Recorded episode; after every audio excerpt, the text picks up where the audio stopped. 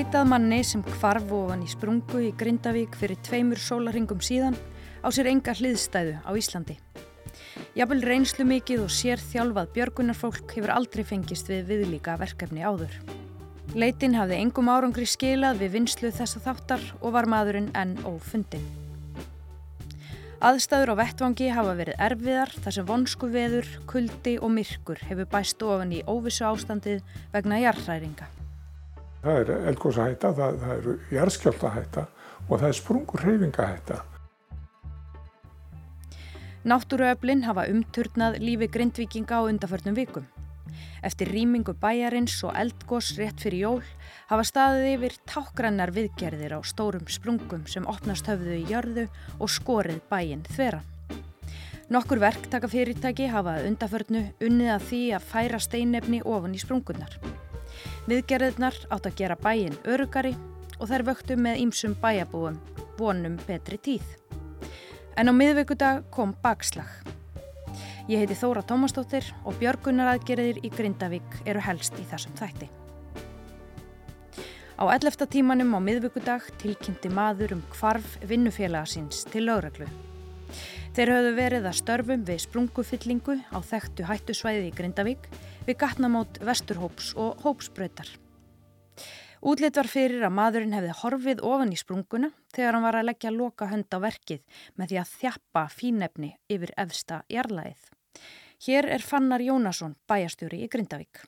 Eh, í þessu tilfelli þá var eh, verktakaræða sem var eh, mjög reyndur og ábyrgarfullur þannig að, að, að er, þetta er bara hörmulegt vinnuslis verður þarna mjög óvænt og náttúrulega hann fara trygging sem að hafði með þetta að gera og með mjög vanda og góða verktakaðin En svo var þessi atbyrður sem að var til þess að allar frangandi voru stöðvaðar, bæði þar og, og annar staðar. Fjöldi björgunarsveita, lögreglu og sjúkrabíla voru kallaðir á vettvang, kranabíls og dróna. Frettamenn voru einni á staðinum og Hjálmar Hallgrímsson, lögreglumadur, tók við aðgerastjórn á svæðinu. Svona lísti hann ástandinu. Sko við erum í ákveðlega erfiðum aðstæðum. Við erum inn á mjög þröngu svæði, við erum með eh, mjög fært eh, fólk til þess að vinna við þess aðstæður en gallin er sá að við komum bara tveimur af. Þannig að þetta tekur mjög lengri tíma heldur að við töldum og það er raun og verið ekkit útsið með það hvað þetta tekur langa tíma. Þannig að staðan er bara, hún er bara ekki góð hvað varandi, varandi það en við bara erum á fullu við að vinna og það er skipt eins öll og þarf og við erum þarna með dróna líka, neðansjáðu dróna og við erum bara að vinna á fulli við þetta eins og staðinni í dag. Einmitt það var mjög margir komið að þessari aðgerð. Hvaða svona aðilar hafa helst komið að? Sko við erum með hérna sérstætt fólk sem er uh, vant leiti í höllum og, og sprungum. Nú svo er sérsveit ríkislörfstjóra einni hjá okkur með sinnbúnað. Við höfum verið með myndavélar og ímessambúnað, bara allt það sem við eigum og hefur verið bóðið til. Þannig að það eru mjög margir sem koma að þessari aðgerð. Úlvar Lúðvíksson, lauruglustjóri á Suðunessum, sagði að mannsins yrði leitað þar til hann fyndist. Þá var enn fjölmennar að lið Björgunarsveita kallað til, auk verktaka með ímistæki og tól, sérþjálfaðir sigmenn og klifrarar frá lauruglunni reyndu að finna leiðir til að komast ofan í sprunguna. Hún var bæði þröng og hættuleg og aðeins 1-2 menn gáttu aðtapna sig á svæðinu í einu. Og þetta sagði Úlvar Lúðvíksson í samtali við Arnar Björnsson í hátdeisfréttum í gerð. Það sem er erfitt, erfitt til leitin er þetta bara þessar aðstöður. Það eru mjög vísjáverður og, og við þurfum auðvitað ávart að tryggja öryggi þeirra sem að aðtarna sig þarna nýri sprungunni. Er eitthvað e, vitað hversu djúft er niður? Þetta, það er djúft niður. Þetta leipur vantilega á jafnvel og tögum e, metra þarna nýri á, á á botnu vassins, það er þarna vatn eh, langt fyrir neðan það vinnusveið þar sem björgunsveitamenn eru aðtarna sig. Þannig að já, þessi sprunga er djúb. Þið hefði ekki fundið neyn ummerki um mannin? Ekki eins og komið, nei. Það voru sérstakar aðstæðu þarna inn í þessu gardi þessi slísi varð og ekki hægt að koma kannski alveg við eh, sama búnaði og, og hefur verið notast við annar stað. Það er að segja að setja dúk þarna undir og og, uh, og svo framvegis en það í sjálfu sér hefði ekki átt að hafa afgerandi áhrif heldur var þetta bara mikla bergfyllu þarna að ræða sem fór á stað og engi sem að gæti sér það fyrir eða, eða undilega varist því. Í gær stóð svo til að halda íbúafund í Grindavík en vegna leitarinnar taldi bæjastjórin ráðlagt að færa hann til þriðudags í næstu viku.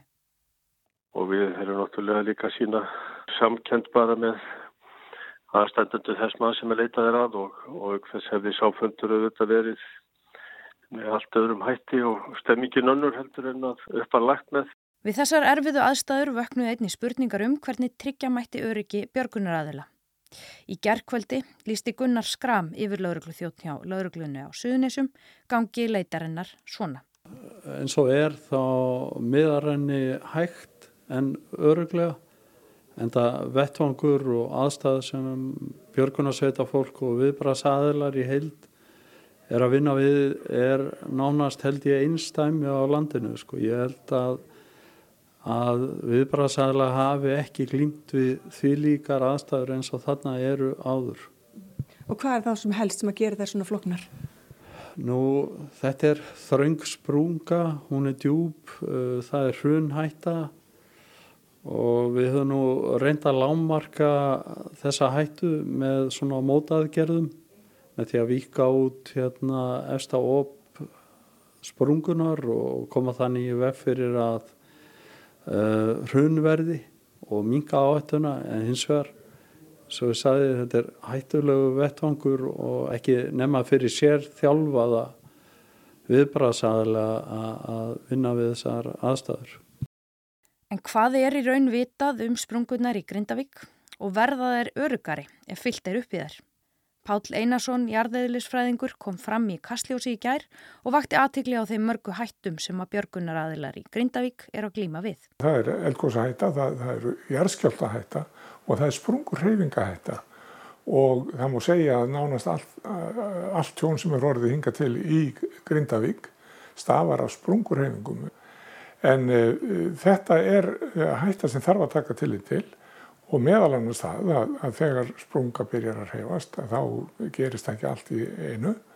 Það bergið í sjálfu sér brotnar niðri en yfirborðið er að bregðast við þessum hreyfingum stundum lengi á eftir og sérstaklega ef að ofan á berginu líka lausjarlög þá eru þau lengi að bregðast við sprungurheyfinguna sem undir niðri verða geta staðir þar sem þú séð ekkert á yfirborðinu, getur þeir skindilega opnast? Já, það, það getur, getur gerst og það getur verið að gerast í nokkuð langan tíma og eftir. Eh, þannig að eh, efnið á yfirborðinu getur verið að setla niður í sprunguna lengi á eftir í mörg mörg ár. Og þetta þekkjum við til dæmis frá, frá miðhálendinu. Þar eru enn að myndast niðurföll í, í sprungur eh, eftir umbrotin í, sem tengdu sparðapungu 2014 og 2015. Pál segir nokkuð skýrt hvernig sprungunar liggi í gegnum Grindavík og því megi kortleikja hættuna þar nokkuð vel. Sengt í gerðkvöldi var grjótrun í sprungunni sem ógnaði öryggi þeirra sem voru við leitina. Leitinni var því tímabundið hætt á miðnætti en haldið áfram í dag. Arnar Björnsson, fréttamaður, er eitt þeirra sem hefur varið drjúum tíma í Grindavík á undarförnum vikum og dögum. Hann hefur rætt við bæjarbúa og fært okkur fréttir af jarðskjáltum, eldgósi og nú síðast og nú síðast þessu hörmulega vinnuslýsi. Og það er ekki laust við að aðstæðinar í Grindavík hafi áhrif á hann. Það er búinlega erfitt að lýsa þessu því að, að maður skinnjar bara allar, til, allar tilfinningarskalan hjá fólkinu sem maður tala við. Og þetta hörmulega slýsaðu þetta setur þetta svo litið í annan, annan farveg maður þarf að nálgast fólk á annan hátt í svona tilfelli. Og uh, þessi fyrsti dagur var uh, mér mjög örður ég get ekki neyta því því að maður skinniði uh, óttan, maður skinniði hvað þetta var alvarlegt atvik og hvað þetta var raun og veru mikið högg fyrir þetta samfélag. Því að þarna eru sprungur út um allt og fólk er kannski í einhverjum mæli að hugsa um að snúa tilbaka en eh, maður skilur óttan og áhengjurnar sérstaklega hjá barnafólki því að það er volið erfitt að, að vita börnum einhver staðar í leik nála þessu hættusæði. Ef við tölum aðeins um bara aðstæðunar í Grindavík á undarförnum tveimur sólaringum, það búið að vera leiðilegt veður og, um, og fólk verðist vera orðið svo litið þreytt. Hvernig hefur þú svona kynst þessu andrúslofti í bænum í kringum þetta? Maður, maður skinjar auðvitað þegar maður uh, tala við björgunarsetta fólk að það er orðið ansilúið og það er mikið reynd á þetta fólk og ég skila það sem komin þreita í, í hópin vegna þess að, að uh, þessi verkefni eru mjög erfið og sem betur fyrir hafa ekki orðið fleiri slís en eitt slís er auðvitað alveg nóg til þess að, að fá mig til þess að hugsa málun upp og nýtt. Förum aðeins inn í þessa atbyrjar á sem að hverfist um þetta slís. Hvað getur sagt okkur svona að vita sé um aðdraðanaði? Nú það sem að eh, ég held að eh, ég viti allavega er það að, að það var verið að ljúka frágangi í, við þessa sprungu til þess að uh, íbúar húsin sem að eru hérna rétt hjá geti farið heim til sín. Uh, svo bara gerist það að, að vinnufélagans hann fer held ég til þess að sækja efni og kemur síðan á vettvang þar sem að hann finnur ekki mannin. Sér hins vegar hvað uh, hóluna sem að er eftir og skinnjar þá hvað hafi gæst. Og þarna voru kallaði til sérhæður björgunarsættamenn sem að kunna til verka og eru vanið því að klifra og eru vanið því að, að vinna við óvenjulegar aðstæðar eins og þarna voru. En maður sá það bara þegar maður horfir á hópin, horfir yfir svæði hvað þetta veriðist vera vonlítið verk. Að koma með mann þetta lengst ofin í jörðin og þú veist ekki hvernig á að koma honum til hjálpar vegna þess að, að staðurinn er ótryggur, það reynur þarna úr klettaveikjónum og við getum ímyndað okkur að ef að það er rétt eins og menn er að halda fram að þetta sé margra metra sprunga niður í, í vatn að þeir verðast þeirra búin að klára þetta verk. Og síðan bara gerist það kannski út af veðrinu, kannski einhverjir samþætting veðus, það búið að vera frost, svo kemur þýða að þá bara gefur sig einhver bergfylla einhverju metru fyrir neðan með þessum alveg. Þú hefur staðið þarna við þessa sprungu og horta á þessi ummerki náttúruaflana þarna. Um, getur þú aðeins líst þeim fyrir okkur? Þegar þetta gerist þá voru við í tölvuri fjarlæð þannig að við sáum ekki nákvæmlega ofan í, í, inn í gardin þar sem að var verið að vinna. En ég hef verið þarna í Grindavík og, og séð bara munin á milli daga í stóru sprungunni sem að likur í gegnum bæin og það með ólíkittum að, að, að breytingarna sem urðu bara á skömmum tíma. Þannig að maður er svona alltaf að velta fyrir sér hversu örugt það er reynlega bara að vera í bænum meðan að ástandið er eins og það er og maður sá bara munin eh, hvernig miskengið hafi, hafi aukist á bara tveimur, þreimur dögum. Og það er alveg ótrúlegt þessir kraftar þarna sem maður eru að verki sem að maður bara reynlega skilur ekki þegar maður að því maður hefur komið til Grindavíkur í þannan fallega og vinanlega bæ sjáarbær, ég er sjálfur ættaður úr sjáarplássi þannig að, að mér þótt alltaf vænt um að koma og þykir vænt um að koma til Grindavíkur. Mm. sjá bátanna, sjá höfnina sjá lífið, sjá fólki sem er að vinna í fiski og svo verður þetta bara á skömmum tíma bær sem að það sem engin er, björgunarsættabílur á ferðinni og engin aðrir menn hafa auðvitað lítið á þetta sem, sem miklar framfarir að, að sjá allavega bæin ekki sundur skorinn eftir, eftir jarðskjáltana. Þannig að, að þess vegna er þetta þeimun meira högg að, að þetta skulle hafa farið svona.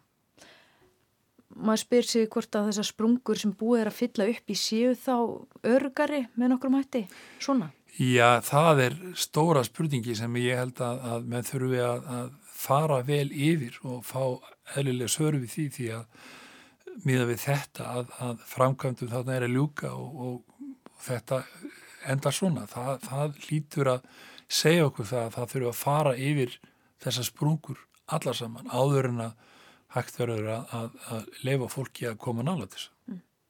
Svo heyrum við einnig fréttir af því að, að það er ennþá jarðræringar, það er ennþá ekki búið að útiloka það að þarna gjósi jafnvel ennær bænum en síðast. Já, já, svo er svo óvisaðu við það eh, hangandi yfir fólkinu sem að, sem að á þarna sína regnir og við skulum ekki gleyma því að þetta er aðlega fólks í mörgum tilvíkum. Þetta er það sem að það hefur verið að strita þeirri eh, alla efina mm. og horfa kannski upp á það að þú getur ekki farið þetta vegna þess að ástandi er þetta útrykt vegna þess að, að vísitamenn rekna með því að, að það farað að gjósa. Og þess vegna eins og þeirra var sumið sagt bara persóna bara á eftir. Þannig að, að þetta setur þetta allt saman í uppnum held ég Þá verður þetta helst ekki lengra í byli, nýjustu fréttir af þessu máli og öðru sem tengist í arðræringum og Grindavík má finna á VF Ríkisútarpsins. Þóra Tómastóttir þakkar hlustunina í dag. Þetta helst verður aftur á dagskrá á mánudag.